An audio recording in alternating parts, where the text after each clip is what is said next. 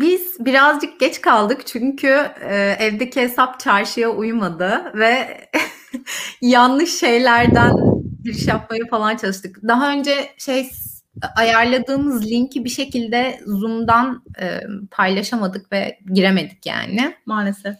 Evet, YouTube özürlüler başlıklı yayınımıza hoş geldiniz. o zaman şimdilik ben bunu da kapatıyorum ve artık yayındayız evet, artık arkadaşlar. biraz yanıma geldi bence. Tamam geleyim. Şöyle gözükeyim. Ezgi gitti bu sefer. Ezgi neredesin? Ben buradayım.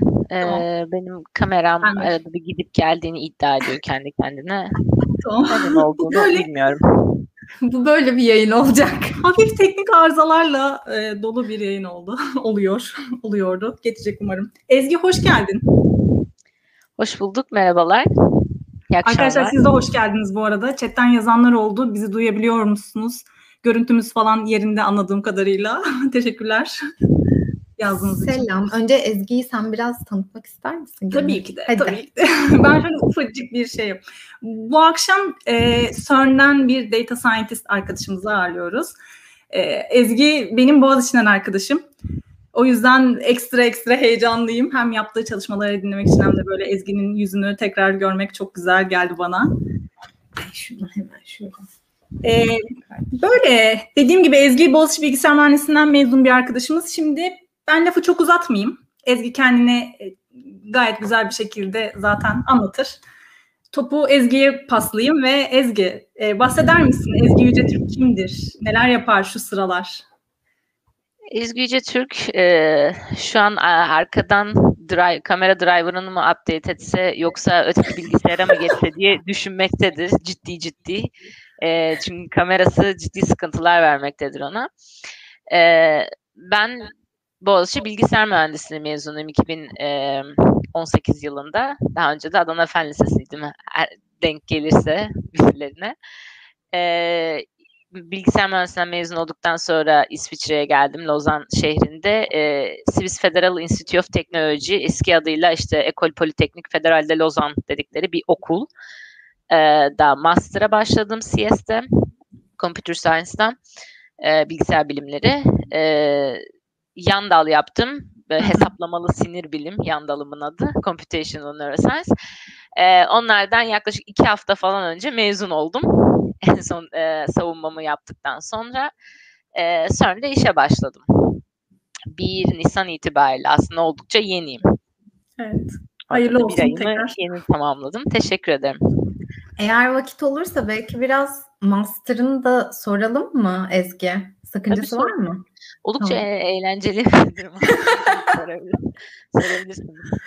E, o zaman öncelikle hoş geldin diyelim. Hoş bulduk. E, bu kadar şeyden sonra, badireden sonra evet. herkes bir de, derin bir nefes alsın diyorum. Evet, öncelikle bir rahatlayalım. e, aslında hani böyle biz böyle çok tanımlı sorular hazırlamadık ama iyi kötü birkaç soru hazırladık. Ee, Ezgi şu anda ne iş yapıyor diye sorayım önce CERN'de hayat nasıl Ezgi? CERN'de hayat kapalı ya. Hiç hoş değil. Ee, CERN günlük e, yaklaşık işte 5000 6000 belki çalışan insanın olduğu bir yer. Şu an benim bildiğim kadarıyla 1000 kişi falan anca gidiyor on site. CERN kapalı. Hmm. Ee, 14 Mayıs'a kadar da sanırım kapalı kalacak. Ondan sonraki durumları sonradan bileceğiz yani. Şey açılıyor, taksit taksit açılıyor. Ee, bir de binalarının bir kısmı, yerleşkenin bir kısmı İsviçre'de bir kısmı Fransa sınırlarında olduğu için iki ülkenin de kapanma yasalarına uymak zorunda kurallarına. Hmm. E, Fransa hiç açılacağı benzemiyor şimdilik. E, dolayısıyla şu anlık kapalı. Herkes uzaktan çalışıyor. Tabii ki gitmek isteyenler hani zorunlu olarak orada bulunması gereken personel bulunuyor. Aşağıda makineler çalışıyor ya da o sistemi ayakta tutması gereken e, teknik personel gidiyor. Hı hı. İsteyen öteki e, çalışanlar da gidebiliyor ama kimse yok pek etrafta. Öyle. O yüzden çok e, henüz böyle şeyle bağlantı kurabilmiş değilim. Ben de uzaktan çalışıyorum. Tamam. Ee, peki Ezgi, şöyle bir soru yazmışız. CERN'e giden kariyer yolunu Ezgi bize anlatır mı acaba diye. Benimkisi dümdüz. Yani çok e, enteresan bir tarafı yok. Ee, başka insanlardan duyuyorum. Mesela işte bu tanışma toplantılarına yakın zamanda denk geldiğim biri Finlandiya'dan gelmiş. Ee, bir bilgisayar mas ya bilgisayar mühendisliği mezunu, matematik master yapmış, bir cyber security master yapmış, bir tane PhD yapmış üstüne. Maşallah. Yer, yani ondan sonra başka başka şekilde gelenler e, aynı şekilde işte bir mühendislik ya da yazılımcılık bölümünü bir şekilde bitirip çünkü ülkelerden ülkeye değişiyor bu bölümlerde. Hmm. Onu bitirip işte bir yerlerde 6-7 sene çalışıp gelen var.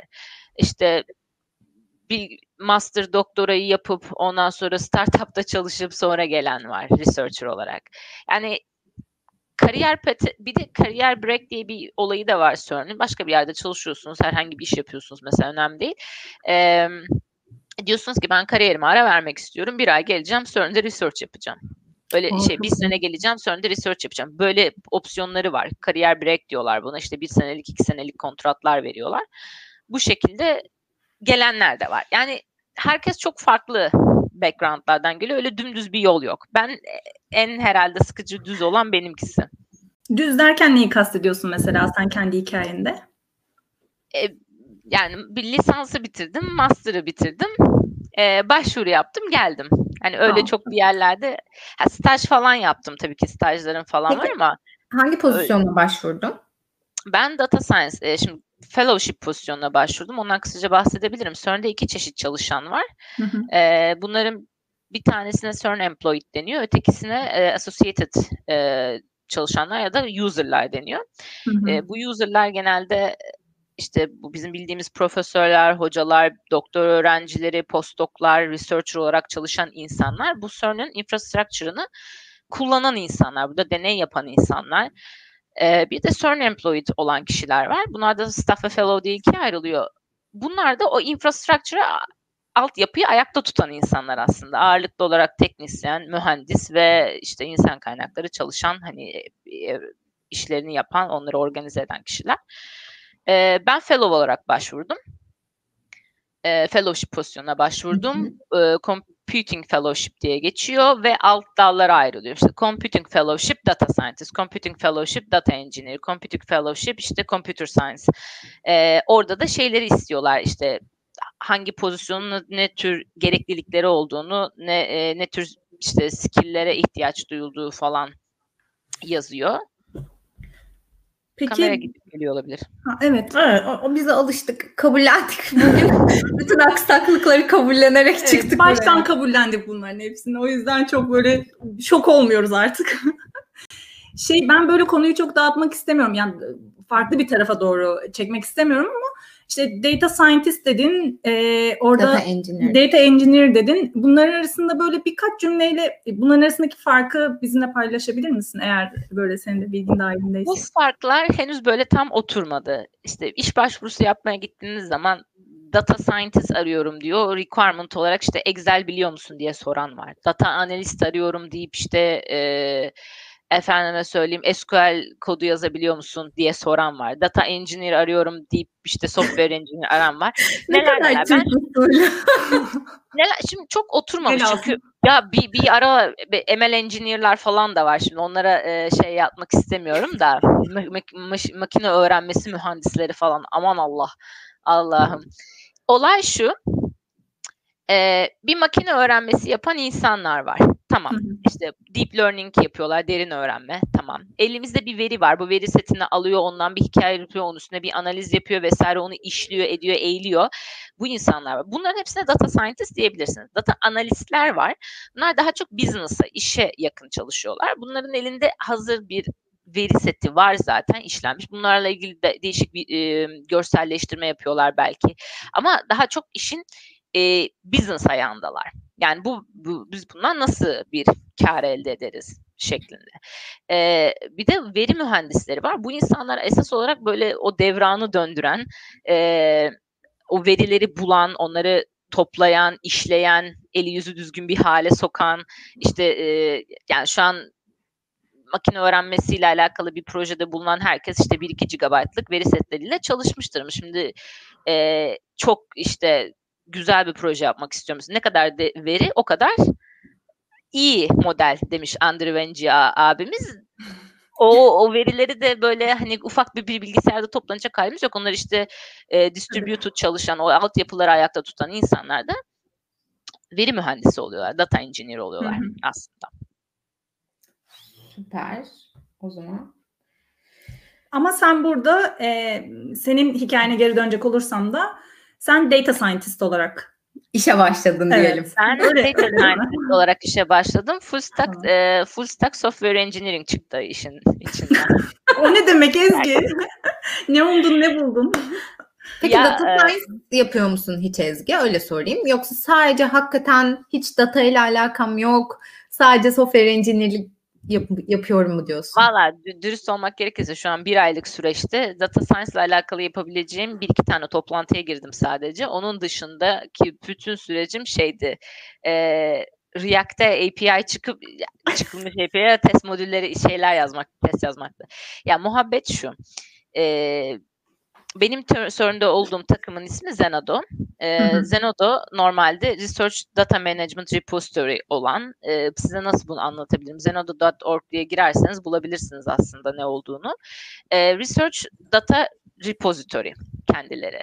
İçinde işte paperların publish edilebildiği, data setlerinin konulabildiği, bunların işte e, kalıcı e, identifier verilebildiği işte bir tane link verilebildiği, paylaşılabildiği, içine kodun konulabildiği. Yani archive'ı alın, Elsevier alın, onun üstüne işte birazcık GitHub koyun. Ee, Google Scholar Özik vesaire Colab koyun. galiba koyuyorum bir de.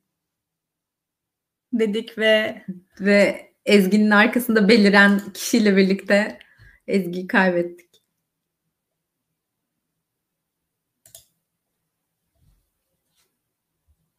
Evet, Ezgi tekrar bizimle.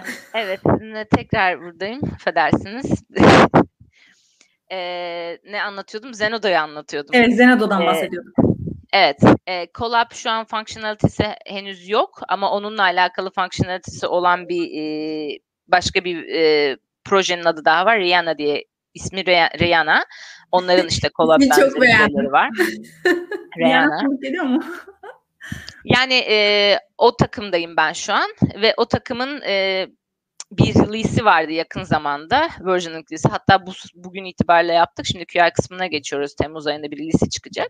Hı hı. E, o release'e kadar şu an takımın bütün üyelerini software engineer olarak ihtiyaçları.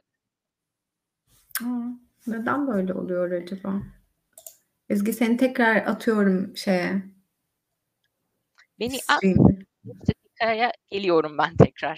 Çünkü bilgisayar en e, kolayı öyle olacak sanırım.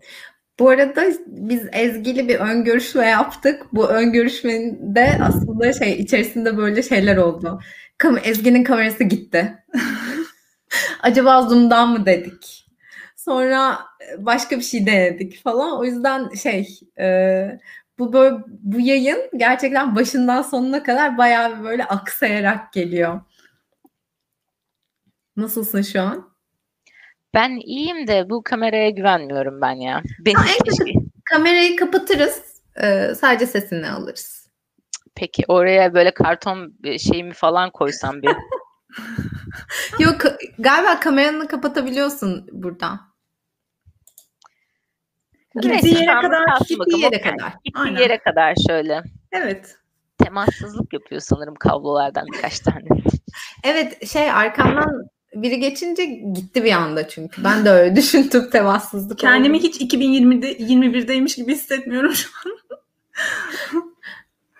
ya ben itinayla 7 senedir elimde olan bilgisayarı kullanmaya devam ettiğim için oluyor bunlar. Bitti evet, artık. Makine diyor ki beni bırak artık diyor da ben hala kullandığım için yoksa kusura bakmayın. Estağfurullah Ezgi'cim. ne olacak? Zenodo diyorduk aslında Ezgi. Evet Yeni Zenodo diyorduk. Çıkacak.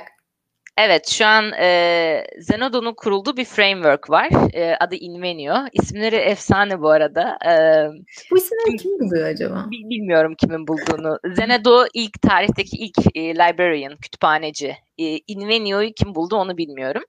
E, Rihanna'nın da bir, o bir şeyin açılımı. Kısaltması Rihanna benim için.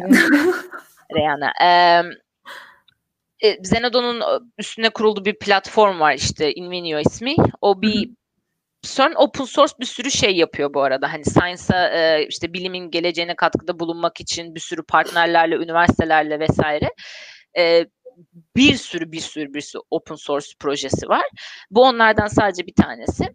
Bu muhabbette şu e, düşünün yani bir üniversitesiniz e, makaleler yayınlanıyor sürekli vesaire. Bunları konferanslara gönderiyorsunuz ama bunları bir yerde bir de tutmanız gerekiyor değil mi? Kendi içerisinde kütüphanenizde mesela tutabilirsiniz. Hı hı. E, işte master tezleri, doktora tezleri yazılıyor. Bunları kütüphanelerde tutabilirsiniz.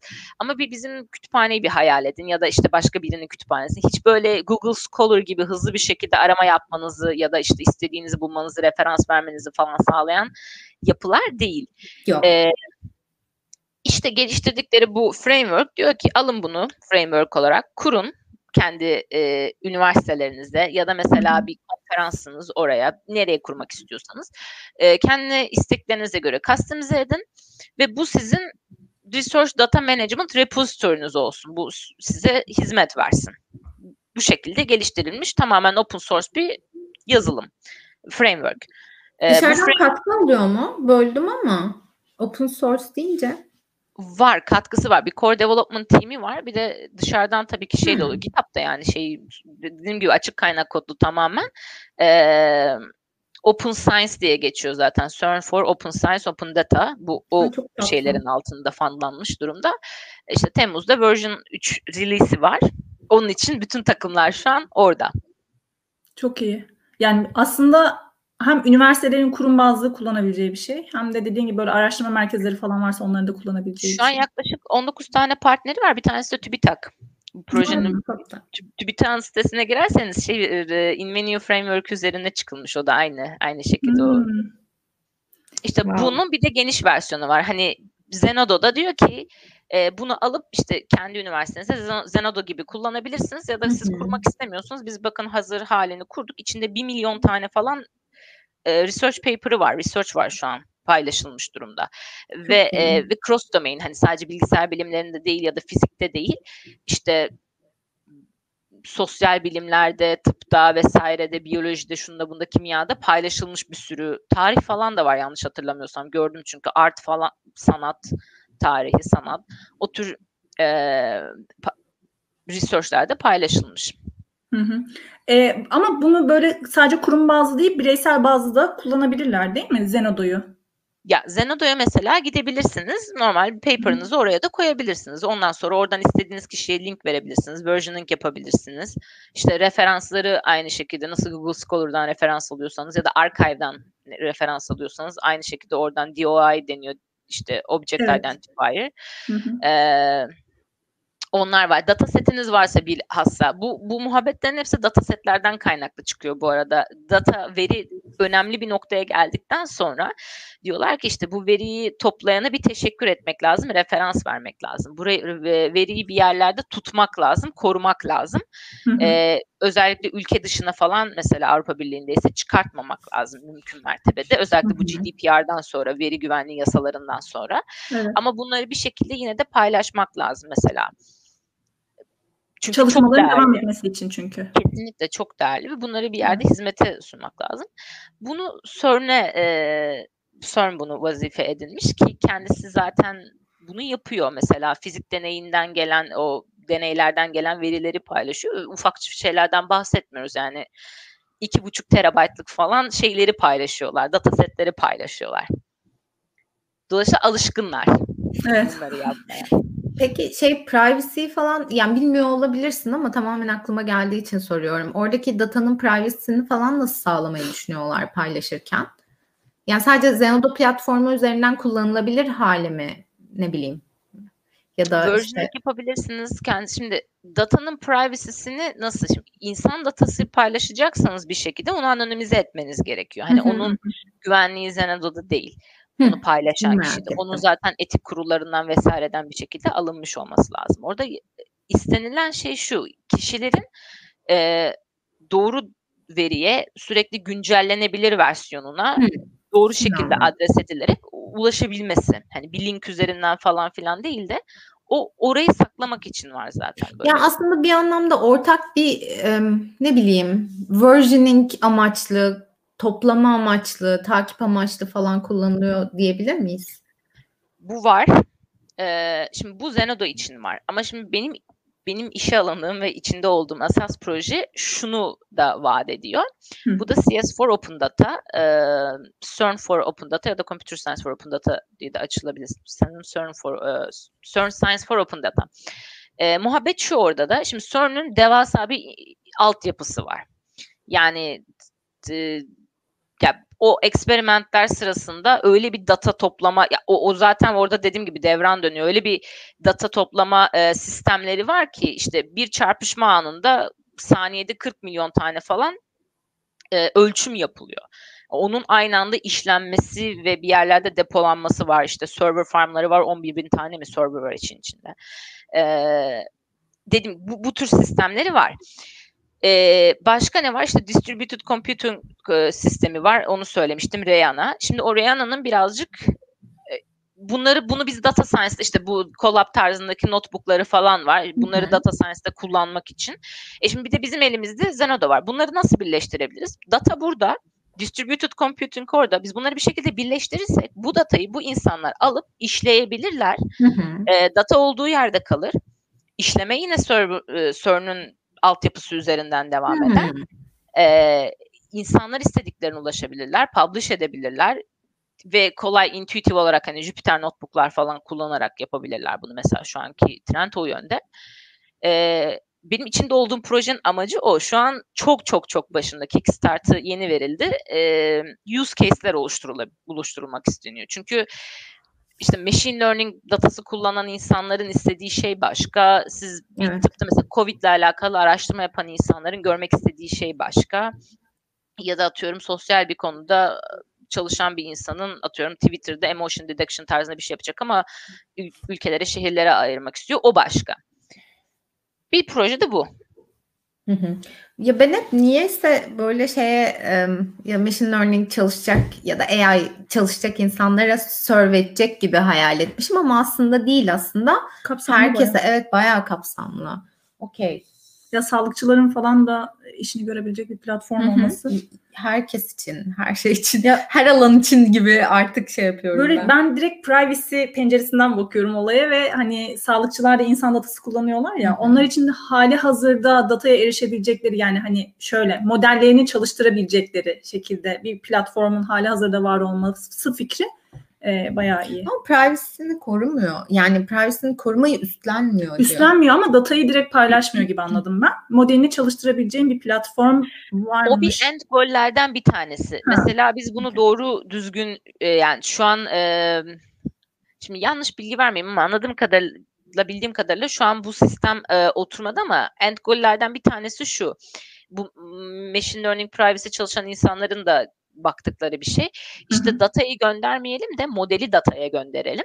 evet. Model çalışsın Federated Learning falan. Federated Learning'de bu var. Ama bu birazcık henüz biraz teori aşamasında iki sorunu var burada. Bir tanesi işte convergence pro- problemi var birkaç farklı site'da modeli gönderip işte oradaki datayla çalıştırırsan aynı convergence'a ulaşacak mı eğer bütün datayla aynı anda? Bunu bir bayağı bir çalışan insan var şu an. Bazı şeylerden feragat etmek gerekiyor ya.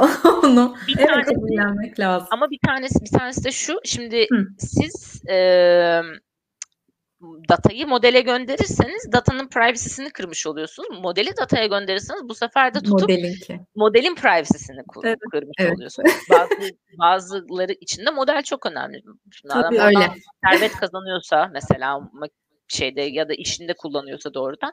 Firmalar da paylaşmak istemiyorlar. Yani modellerinin içeriğini Doğru. hiçbir şekilde açık etmek istemiyor. Yani birçok firmanın şu anda çalıştıklarından bir tanesi bu deployment'ı e, private ve secure bir şekilde nasıl yaparız aslında? Evet bu, bu şu an akademinin de açık şeyi. Privacy çalışan insanlar bunu çalışıyor. Security'ciler çalışıyorlar. Nasıl yapsak bunu? E, homomorphic encryption'la bir şekilde e, becerebilir miyiz diyorlar da neural network'ler o çok şey ya. uçuruyor. Çok, çok Yok primitif yani. hala geliyor bana. Çünkü oradaki çünkü. işlemler ama buna ihtiyaçtan doğuyor bakın. Yani Kesinlikle. bunu 10 sene önce kimse ya bunu böyle yapıyor muyuz diye şimdi ben bilmem 10 sene önce ben çocuktum hani bunun ne, ne deniyor haberim yoktu ama e, sanmıyorum bu tür şeyler ihtiyaçtan çıkıyor birazcık Kesinlikle. daha. İşte ihtiyaç oldukça bize kafa yoruyoruz. Bir şeyler bulmaya çalışıyoruz. işleri kolaylaştırmaya çalışıyoruz. Çok Bunlar iyi. Böyle. Peki Peki şöyle şeyler var mı? Benim şu an düşündükçe aklıma geliyor. Explainability üzerine de böyle e, ne bileyim modüler olarak geliştirmek istediğiniz bir tarafı var mı bu projenin? Yani şunu demeye çalışıyorum. Diyelim ki e, modelini gönderdi, datada çalıştırdı, bazı sonuçlar aldı, elde etti. Onları da kendince yorumladı. Sonrasında mesela bunu explain Explainable AI evet, kapsamında evet, soruyorsun evet. aslında. Aslında o kapsamda soruyorum. Sorunun amacı bilim insanlarına en kolay şekilde yardımcı olmak. Yani onların yerine iş yapmak değil. o onların explainability onların yapması gereken bir şey ama şöyle bir yardımcı olacak. Mesela projelerden bir tanesi şu. Mesela Covid datasını bir ülkeden gelen datayla işte modelleri bitmiş bilmem ne şu an servis halinde. işte data burada serve edilmiş durumda. Geographic geography location'dan lo, şeyden yerlerden hı hı. E, bakıyorsun işte ölüm oranları, hastalık oranları, artış, azalış. Burada da başka bir ülkenin verisi var. Hı hı. Bu ikisini birbiriyle işte grafları var mesela işte ya da chartları var her neyse. Bu ikisini birbiriyle karşılaştırma yapabilecek bir feature da tasarlanıyor şu an bu ileriki şeyler için. Ama henüz çıkmadı yani. Bu, bu böyle bir iki senelik falan bir proje. Yani aslında şey ucu hala açık anladığım kadarıyla. Yani gideceği noktalar şu anda plan aşamasında büyük ölçüde. Use case'ler belirleniyor. Yani neye ihtiyacımız var? Şu an projenin e, işte yani planlanması başlamadı. Buna nasıl bir structure kuralım işte ne. Şu an neye ihtiyacımız var? Ee, birazcık onu bulmaya çalışıyoruz. Ama Zenodo da şu an aktif web sayfasında e, kullanılabilir. Zenodo ayrı. Zenodo 5-6 senedir çalışıyor zaten. Ha, tamam. Reyane aynı şekilde bir o kadar zamandır ayakta. Onlar onlar çalışıyorlar. Ben, Hı-hı. bizim benim içinde bulunduğum proje şu an bu ikisini kullanarak biz collab tarzında ama aynı zamanda işte e, başka üstüne feature'ları da ekleyecek. Datayı da ve distributed computing'i de kullanacak bir şeyler yapabilir miyiz zaten. Olay bu. Tamam, çok iyi oldu. Ee, o zaman benim sana bir başka sorumla geliyorum. Gelsin. Ee, şimdi hani bu böyle kavramlar çok karışıyor ve bir sürü kavram var dedik ya. ML engineer var, software engineer var ama aslında ML için diyorlar. İşte ya da işte ML pipeline development için diyor. Data scientist var ve aslında hepsi böyle girift işlemler yapıyor. Yani çok iç içe, iç içe geçmiş işlemlerden bahsediyoruz bunlardan bahsederken. Sen de şu anda full stack engineer olarak çalışıyorsun. Bu ikisinin bu, bu yani e, hedefte data scientist olarak çalışacağını düşünürsek eğer böyle bu ikisinin birleştiği ya da ayrıldığı noktalar nelerdir anlatmak ister misin biraz? Şimdi şunu söyleyeyim birincisi e, software engineering her şeye lazım. Hepimiz işte iyi kötü bir şekilde kod yazmayı biliyoruz. Doğru düzgün işte büyük projelerde kod e, geliştirmeyi biliyoruz e, vesaire. Bu bir. Şimdi ondan sonraki soru şu. Ne için geliştireceksiniz bunu? İşte software engineer olup Android developer olabilirsin. Software engineer olup iOS developer olabilirsin. Full stack olabilirsin. işte backendci olabilirsin. Herhangi yani bu, bunlar software engineer'in altında ya da test yazıyor olabilirsin. Bir sürü şey yapabilirsin. Neye kod yazdığın önemli değil mi burada? Data science yapan insanlar da bir noktada kod yazabiliyor olmalılar gayet güzel. Yazıyoruz bence zaten. Tabii yani yazıyoruz.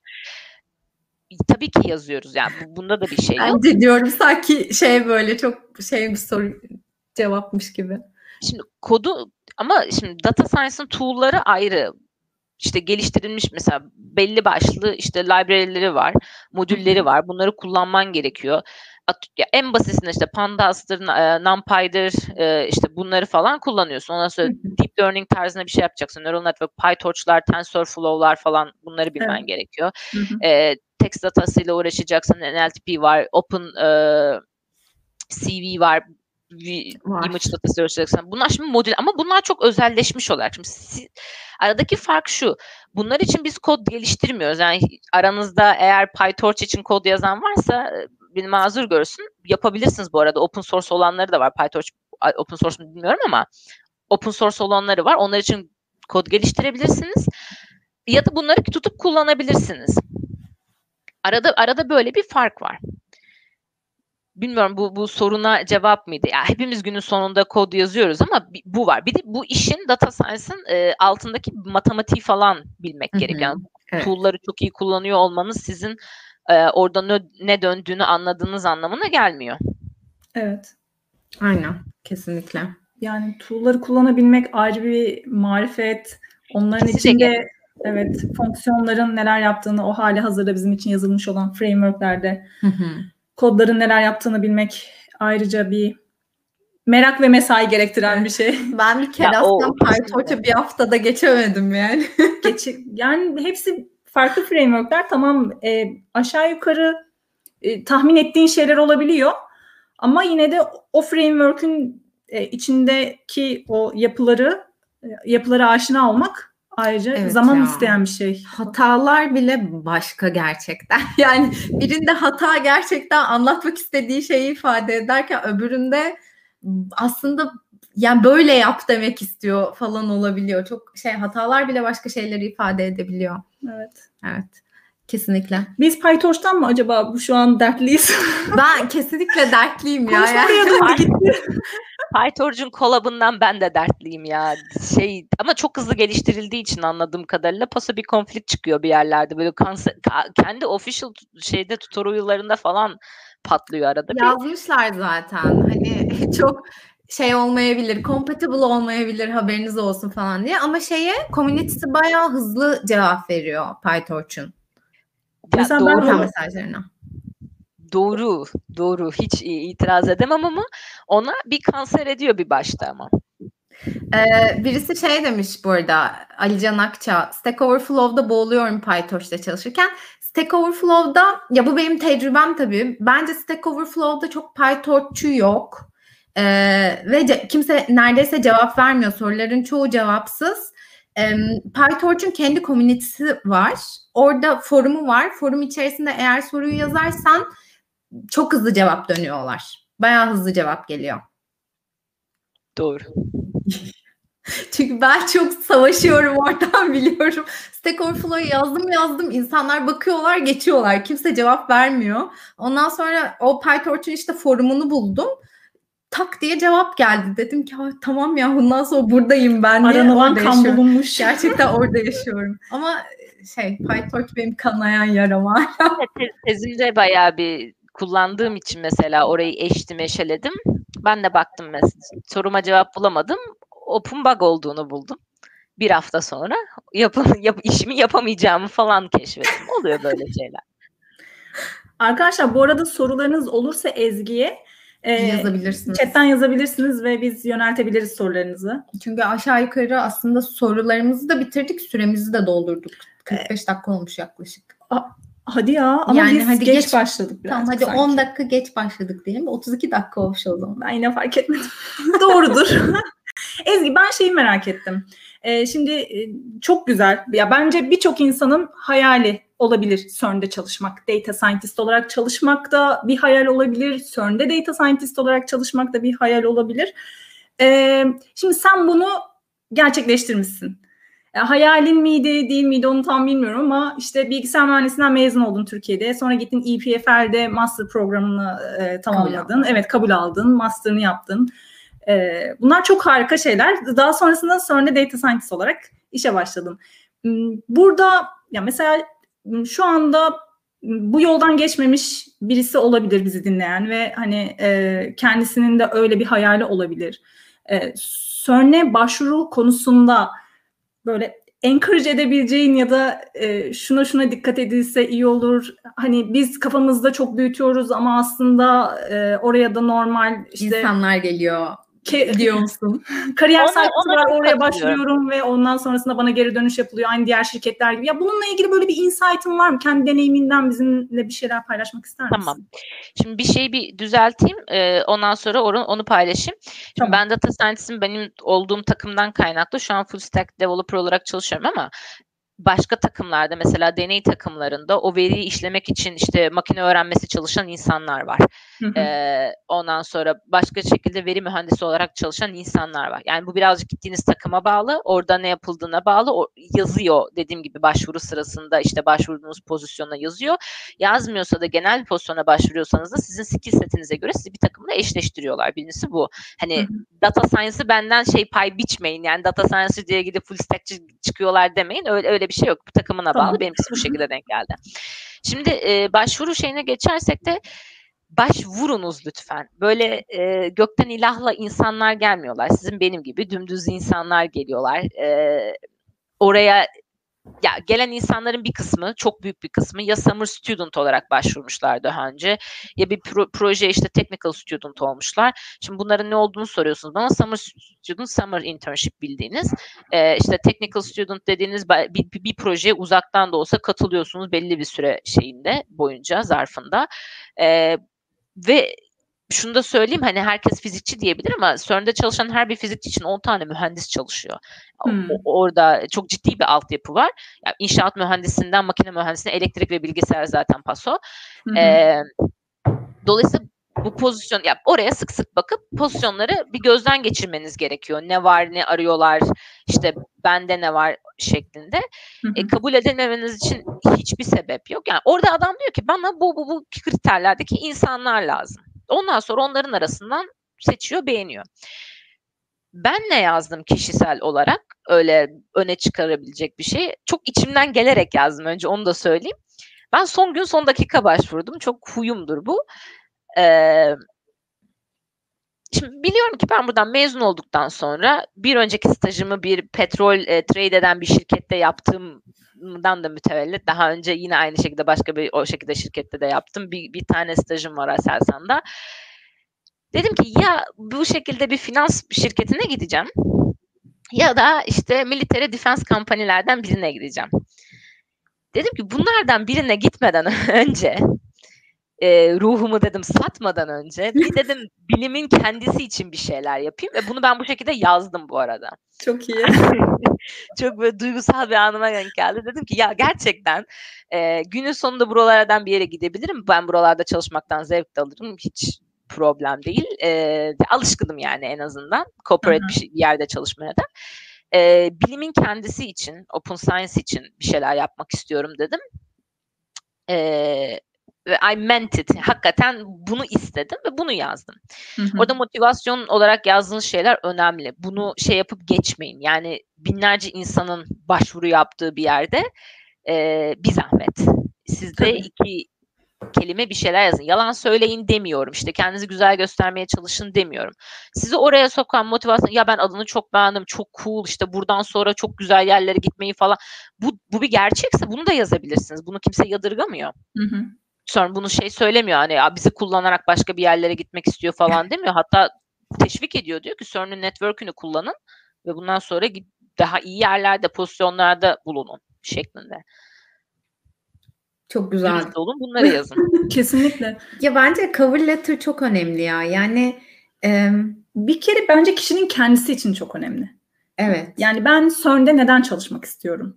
Yani öncelikle kendini bir motive etmen gerekiyor. Sadece CERN için değil ki ya. ya bence tabii. başvurduğun her şey için kabul Evet. Yani şu an özel örneğimiz CERN üzerinden olduğu için yani herhangi bir Google olur e, ya da daha küçük ölçekli şirketler olur. ben yine böyle büyüklerden gidiyorum. Yani ben bu A kurumunda neden çalışmak istiyorum? Sonrasında belki o kurumu ikna edici şeyler bulmak çok daha kolay olacaktır. Yani ya şey değil mi ya? Herkes birini işe alırken ne bileyim sınıfına öğrenci alırken önce bir bu insan niye buraya gelmek istiyoru sorgulamaz mısın? Yani o evet. ba- açıp bakarsın bu insan neden istemiş diye. istemiş mi diye her şeyden önce. Hı hı. İstemişse neden istemiş ve eğer ikna ediciyse aslında sonra sanki CV onun bile arkasından geliyor gibi geliyor bana. Yani en azından ben böyle hissediyorum. Yani bilime ruhumu vermek istiyorum diyen birini ben de çok içten e, bulurdum. Hakikaten yalan söylemedim ama gerçekten o an öyle hissediyordum. Hala da öyle hissediyorum ve o şekilde de yazdım. Çok ee, olay şu, ya bir şeyi neden istediğinizi kimse sorgulayamaz bunun iyi ya da kötü geçerli ya da geçersiz olmasın. O sizin isteğinizdir. Ama isteğinizi karşısına mantıklı bir şekilde anlatabiliyorsunuz. Yani sizin yerinize kendisini koyabiliyorsa o yazdığınız şeyi okuyan insanlar. O zaman öne geçme şansınız var. Doğru. Çünkü anlıyor neden istediğini. Evet. Bunu ben bu arada master ya da doktora başvurusu yapacak olan insanlara da aynı şekilde önerebilirim. Hani böyle çok teknik bir e, işte statement of purpose, e, motivasyon mektubu yazamayacak durumda olan insanlar özellikle lisanstan yeni çıkmış hani çok fazla araştırma projesinde bulunmamış insanlar için söylüyorum. Hani varsa yazsınlar tabii ki yaptıklarını ama yoksa da neden o şeyi neden çalışmak istediklerini, niye orada çalışmak istediklerini falan bu yalan söylemek değil, bu kandırmaca da değil. Kesinlikle. Yok yok ben içten önemsiyorum. Ben haftalarca düşünmüştüm. E, PhD başvurumda e, Statement of Purpose isteniyordu. Yani birçok okul istiyordur herhalde. Evet. E, böyle bir sayfalık bir şey yazmıştım ama haftalarca düşünmüştüm. Sürekli editlemiştim. Böyle. o kadar düşünmüyorum ya. Ben şeyde biraz ezgi gibiyim son anda. Ama onu böyle o modla yazınca onu değiştirmek de istemiyorum sonra zaten. Yani Hiç değiştirirsem evet, anladım daha kötü olacak kesinlikle ve içimden geldiği gibi olmayacak o zaman gibi geliyor. Ben editleye editleye böyle final version'a ulaşmaya çalışıyorum. Ee, şeyde de o amaç mektubun yani niyet mektubunda da öyle bir şeyler yapmıştım. Ve e, benim yani az önce söylediğimin arkasında aslında bu hikaye vardı. İlk başta kendim mutlu olmuştum. Kendimi tatmin etmiştim. Yani böyle 4-5 yıllık bir yola, yola çıkıyorsun gönülcüm emin misin? Neden çıkıyorsun? Neden bu hoca? Neden bu okul? Neden falan diye. Çok bilinçli bir yaklaşım olmuş gerçekten. Önce, önce bir kendimi ikna etmiştim. Yani çünkü bir yatırım var orada aslında. Yani yıldan da bağımsız olarak zamanını vereceksin. E, hayatının o dönemini o kurumla geçireceksin. Okul olabilir dediğin gibi bu büyük ölçek, küçük ölçek şirketler olabilir. E, o neden sorusuna cevap vermek o, o anlamda önemli. Ya bu arada o başvuru şeylerinde de insanlar korkmasınlar, korkmasınlar diye söyleyeyim. Ben sanırım bir 4-5 tane güzel PhD'den red yedim mesela. Ama hani hmm. şimdi dönüp bakıyorum neye başvurmuşum, niye başvurmuşum bunu bir arkadaşım söylemişti. Ne sorular sorduk, ne cevaplar aldık diye. Doğru soruları mı sorduk ki sanki hani ne, ne bekliyorduk, ne bulduk diye PhD'den. Ee, red almaktan şeyden de korkmayın. Sorun için de söylüyorum. Ya benim burada gelen arkadaşlarım var. Dört kere mi, beş kere mi red almış. Altıncıya yine başvurmuş ve almış yani sonuç olarak. Yani taş attığımda kolum mu yoruluyor ya da para mı ödüyorsun başvuru yaparken? Hayır. Hı hı. Kesinlikle. Bundan korkmayın, bundan çekinmeyin. Evet bunu söylemek de iyi oldu aslında. Hep böyle tek kurşunluk hakkımız varmış gibi anlaşılıyor ama evet, öyle değil aslında. şey galiba demotive olup hiç başvurmuyoruz ama halbuki gerçekten öyle. Ben de çok benzer bir şeyi e, Facebook için duymuştum. İşte İngiltere'de Londra'daki ofisine işte en az üçüncü başvuruda alınıyor insanlar falan. Tabii ki ilk başvuruda alınanlar vardır ama hani böyle tanıdığım birçok insan üçüncü de ben de üçüncü de kabul aldım falan diyordu. Ya şey de mesela ben Computing Fellowship'e de başvurdum. Computer Science Computing Fellowship. Orada doğrudan bir takım yoktu. Ne olduğunu şey yapmıyorum. Ona da başvurdum. Mesela orada bir test gönderdiler. IQ testi gibi bir şey. Ben de ne bileyim gecenin bir arasını açtım çözüyorum dedim. Bunun süresi deadline'ı gelmiş cumartesi günü falan diye. Mesela onlar red geldi. Çok üzüldüm. Şimdi benim gerizekalı olduğumu gösteriyor oraya gidecek kadar. Ya bunlara takılmamak gerekiyor. Yani o, o üzül, ya, üzül, üzülmedim desem yalan olur bu arada. Bu kadar da yüzsüzüm ama. Bu arada bende bir de şu var. Ya bu konuyu hafif dağıtıyormuş gibi olacağım ama e, mesela atıyorum Facebook başvurdum ve olmadı. Yani ne olumsuz sonuçlandı o süreç, başvuru süreci. Diyorum ki ya beni database'lerine kaydederlerse ve sonra derlerse ki Gönül 6 ay önce bizim aslında mülakat sürecimizden geçmeye çalıştı ama başarısız oldu. Biz Gönül'le tekrar şansımızı denemeyelim falan gibi böyle bir... ya o kadar evet. bir database kimse de herhalde yok. Bilmiyorum benim böyle bir korkum vardı bir süre öncesine kadar. Şimdi yavaş yavaş onun üstesinden geldim gibi. Ben sanmıyorum ki o şirketler bilmiyorum içinde ama yani X'ten Next olmaz diye çalışsınlar. Sanmıyorum mantıklı Tam tersine tam tersine ya bu insan bize ya ben olsam mesela zaten hani ilgisi alakası varmış tabii ama yani Facebook, Google'dır o Big, Big Four falan binlerce başvurudan söz ediyoruz. Evet. Onlar da ama ya tek 6 ay sonra tekrar kapını çalıyorlar. Tekrar düşünmez misin falan diye. Yani Bence on, o yüzden ben hani onlara karşı pozitifim ne yalan söyleyeyim. Sörnler çok gözüm korkardı kesinlikle. Sana da seninle görüştüğümüzde dedim ya yok ya bizi Türkiye'den niye alsınlar başvururken niye falan diye. Niye almasınlar ya? evet. Ama yani bir Hayır, buradaki adam genius mi yani? Hayır. Düz Değil ama işte işini bilen insanlar bunu yapan çevremizden işte senin gibi insanlar olduğunu görmek e, bu anlamda iyi geliyor. Hacer de bu evet arada e, teşekkür ederim Hacer'cim. Bu Hacer şey demiş. Bu korku bence çoğumuzda var demiş. Bence o zaman kendimizi çok mu önemsiyoruz acaba böyle ay bizi etiketlerlerse falan diye korktuğumuza göre çünkü hepimizde var belli ki bu. Ay ya beni Ama... almazlarsa ya ikinciye de bu kızla biz görüşmüştük ve çok kötüydü derse falan diye. Valla sosyolojik analiz yapmak ya da psikolojik analiz yapmak bence bana düşmez ama kendi çevremden gördüğümden sadece örnek verebilirim. Bir tane sanki yanlış yapma hakkımız varmış gibi işte bir kere evet, başarısız evet. olma hakkımız varmış gibi böyle bir davranış türü var. Abi bir öneri istiyorsanız söylemeyin. Yani ben imzamı atana kadar kontratımı aileme söylemedim mesela. Hmm. Ben, ben de yapıyorum onu. Yani ailemi değil ama kimseyle paylaşmıyorum işe imzayı attıktan sonra işe başlayana kadar falan. Ya bu tür şeyler olabilir çünkü çevreden öyle görüyoruz sanki böyle hiç ya yani sanki her şeyin sonuymuş gibi bir, bir şeyden kabul alamamak ya da işte bir işten evet. e, kabul edilmemek falan bilmiyorum ya.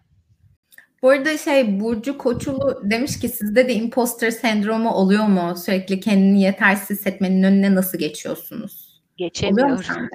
Geçemiyorum. Geçemiyorum. Ee, yani bir noktadan sonra çok yoğun oluyorum böyle bir şeylerle çalışmaya. Orada üzülecek vaktim olmuyor o tür şeylere. Öyle yani. Ben de var kesinlikle diye düşünüyorum imposter sendromu. Yani bilmiyorum. Şimdi bu imposter sendromun tanımı gibi olacak ama acaba öyle olduğum için mi yoksa gerçekten sendrom olduğu için mi böyle hissediyorum bilmiyorum ama kendimi sürekli şey hissediyorum. Bunu da bilmiyorum. Eyvah şunu da işte yapamadım. Bu bu sürede de bitmedi. Lanet olsun falan diye böyle sürekli bir böyle şey kendimle çatışma halindeyim Hı-hı. yani. Ya kadın yazılımcılar da vardır belki. Erkek yazılımcılarda da vardır. Şimdi şeyin Aha. ayrımını yapmadım. Ee, Gönül sen de gitmiştin Grace Hopper'da. Evet. Ee, ora, o konferansın böyle yarısından fazlası imposter, imposter sendrom nedir? Buna karşı nasıl karşı koyabiliriz? Neler yapabiliriz vesaire. Ee, ya bir sürü şey var. İşte e, eylem planı var tabiri caizse. Eee ne, ne, ne tür şeyler var? Mesela planlı programlı hareket etme var sürekli. İşte yaptığınız işte e, bir şeyde ondan sonra e, kendine tutmak var.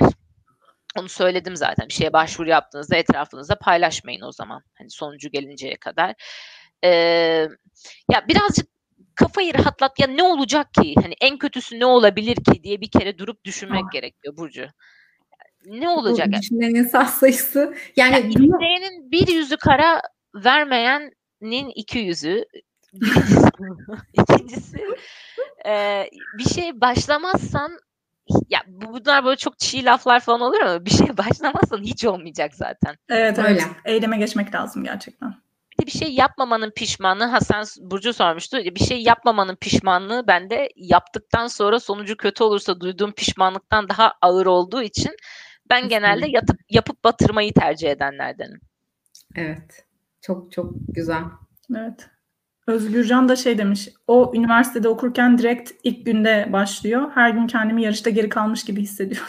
Ya aslında belki de bunun bir yarış olmadığını görmek mi diyeyim, düşünmek, böyle kabullenmek lazım gibi. Bu Yok, zor ben bir... yarış olduğunu kabullen ve ya buckle up diyorlar İngilizce'de. Ee, Özgürcan Boğaziçi'nden bildiğim kadarıyla o yüzden yarış olduğunu kabullenmiştir o çoktan. Boğaziçi'nde bir yarış var. Ya her Ama yerde iyi yarış anlamda. var bence. Yani o ya hani üniversiteler üstü bir şey bu bence ya da ne bileyim. Yani Tabii. sektörün tamam bir yarış aslında baktığında. Evet. Ya burada oturup ağlamaya gerek yok. Birincisi şu. Şimdi yarışı da nasıl yaptığınız önemli. Kolaborasyon, kimse tek başına dünya starı falan olmayacak. Ee, üniversitenin birincisi de olmayacak. İşte Öyle. efendime söyleyeyim çalıştığı şirketin CEO'su da tek başına olmayacak. Herkesin başka insanlara e, desteğine, yardımlaşmasına ihtiyacı var. Hı hı. Yarış olarak görmek isteyen yarış olarak görsün. Ben sakin sakin takılacağım diyen kim hangisinden motive oluyorsa onu istediği gibi görmekte serbest. Ama günün sonunda insanlarla birlikte çalışmayı öğrenmek zorundayız. Yani Evet. bu yarış yaptığınız ya da rakip olarak gördüğünüz insanlarla da birlikte çalışmayı öğrenmek zorundasınız, zorundayız. Hı hı. Ee, sevdiğiniz, sevmediğiniz insanlarla da bir noktada aynı paydada buluşup Kesinlikle. çalışmayı öğrenmek zorundayız. Ee, bunlar ben üst düzey bir profesyonel değilim ama bence profesyonelliği getiren şeyler ve e, düzgün çalışma ortamı sağlayan şeyler.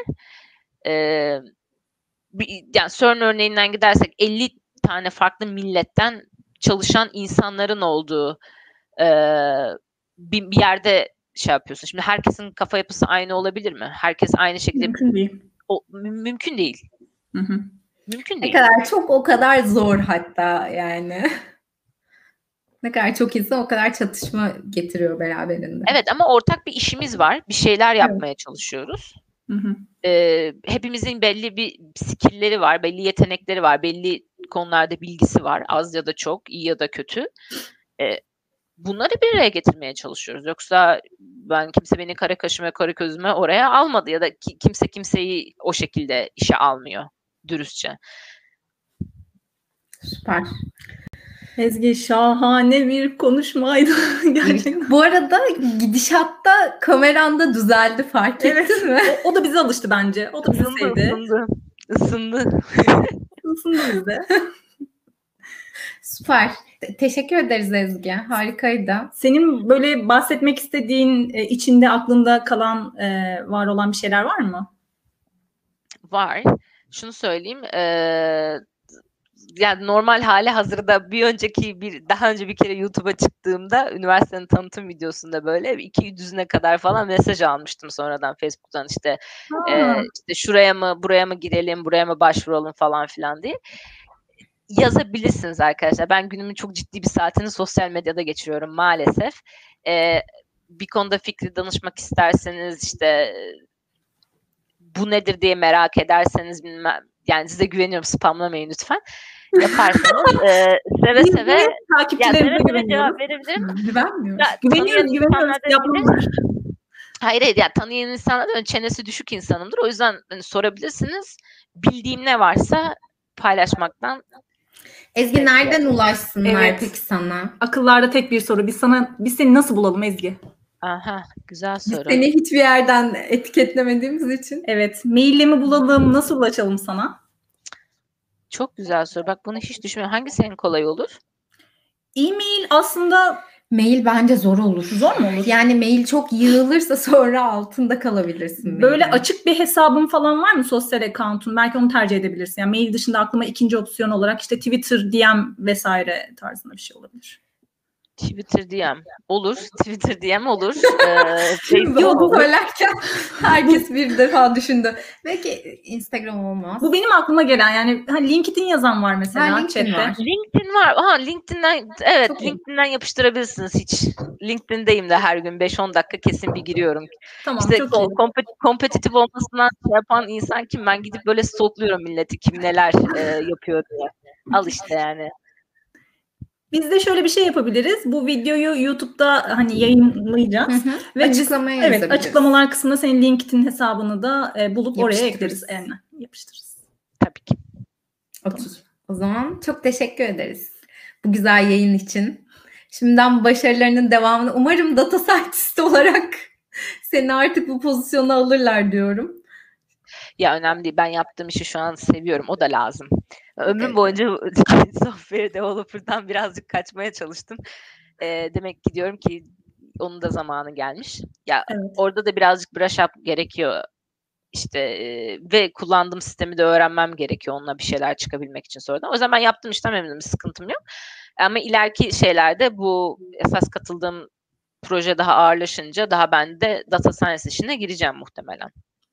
Hadi bakalım. Ezgi çok teşekkür ederiz. Tebrik ederiz. Teşekkür ederiz. Benim için şey çok önemli oluyor. Böyle yanı başımda e, mesela data scientist olmak istiyorsam kim nerede neler yapıyor onu bilmek, neler yapılabileceğini görmek böyle ufuk olması anlamında ve bir şeylerin yapılabilirliğini görmem anlamında. Kesinlikle. Böyle o o hayalime karşı, hayalimin gerçekleşmesine karşı inancımı falan arttıran bir şey. O yüzden çok değerliydi. Hem e, böyle kendi kariyer yolunu paylaşman, hem daha farklı soruları da burada hep birlikte yani şeylerimizi e, ne aklımızdaki sıkıntıları masaya yatırdık onlara hep birlikte. Sendromlarımız. Sendromlarımız evet doğru kelime o. Sendromlarımızı burada konuştuk falan. Bunların hepsi çok çok değerli. Çok teşekkürler Ezgi. Teşekkür ederiz. Ağzına sağlık. Gerçekten evet. 58 dakika olmuş. Ben teşekkür ederim çağırdığınız için. O ben çok konuşuyorum ondan o. Yok yok hiç endişe etme. Aktı gitti. Bizim de hiç fena değil çenemiz yani bayağı düşük. Ben böyle birine söyledim geçenlerde benim çenem düşük yalnız haberin olsun diye. Ee, şeyi hazırladık, yayını kaydettik ve yayının sonunda şey dedik. Gerçekten düşükmüş çenen ya. o yüzden hiç endişe etme. Bu ortak şeyimiz başarımız diyeyim. Bu arada ben chat'e de ekstra ya, ayrıyeten bir teşekkür etmek istiyorum. Çünkü yayınımızın başında teknik arızalarla karşılaştık. Teknik problemlerle karşılaştık. Onun üstesinden bir şekilde gelmeye çalıştık ama bizleri yayında bırakmadınız. Yorumlarınızla birlikte eşlik ettiniz. Çok teşekkürler arkadaşlar. Teşekkür ederiz. Aa, bu arada birisi soru sormuş. Sorayım mı Ezgi? Söyle lütfen. Var mı vaktin? Lisans eğitiminin son döneminde okul dersleri haricinde neler yaptın demişler sana. Özgürcan sordu herhalde. Evet. Ona.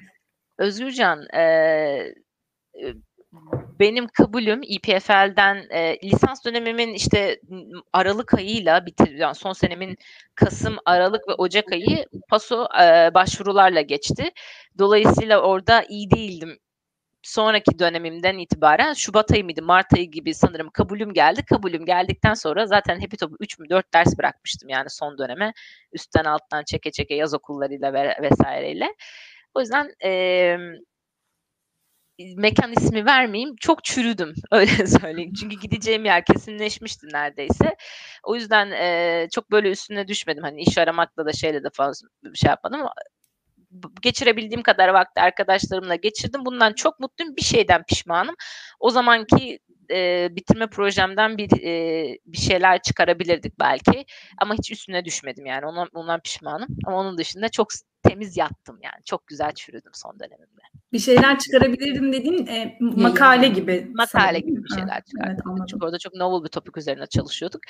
E, bitirmeden bir yerden de özür dileyim de muhtemelen ben yarı Türkçe yarı İngilizce konuştuğum için bana sağ, yani küfredenler olabilir. Özür diliyorum Olsun. şimdiden. Çok çok özür diliyorum. Bitti yani bazı şeylerin Türkçesi yok bir de günlük İngilizce TRT Türkçesi sözü vermedik Çezgi boş ver. Hızlıca gelmiyor ya. Bazı şeylerin Türkçesi gerçekten yani çünkü şey e, artık literatürün dili İngilizce ve o Çok sürekli makale okuyorsun, işte e, dokümantasyonlara bakıyorsun bir şeyler kodlarken hepsi İngilizce. Dolayısıyla bazı şeylerin Türkçesini bilmiyor bile olabiliriz. Yani bu, daha da vahim bir şeyden ben, ben hassasiyeti olan arkadaşlar için özür evet. diliyorum. Evet. Tamam. Ee, biz, biz de ben de kendi adıma özür diliyorum.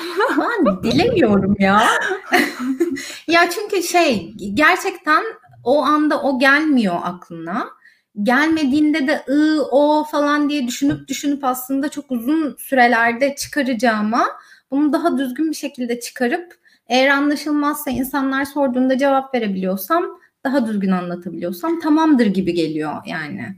O yüzden kimse bir de biz aslında, özür dilemesin istiyorum. Hmm, bu da doğru bir bakış açısı bence.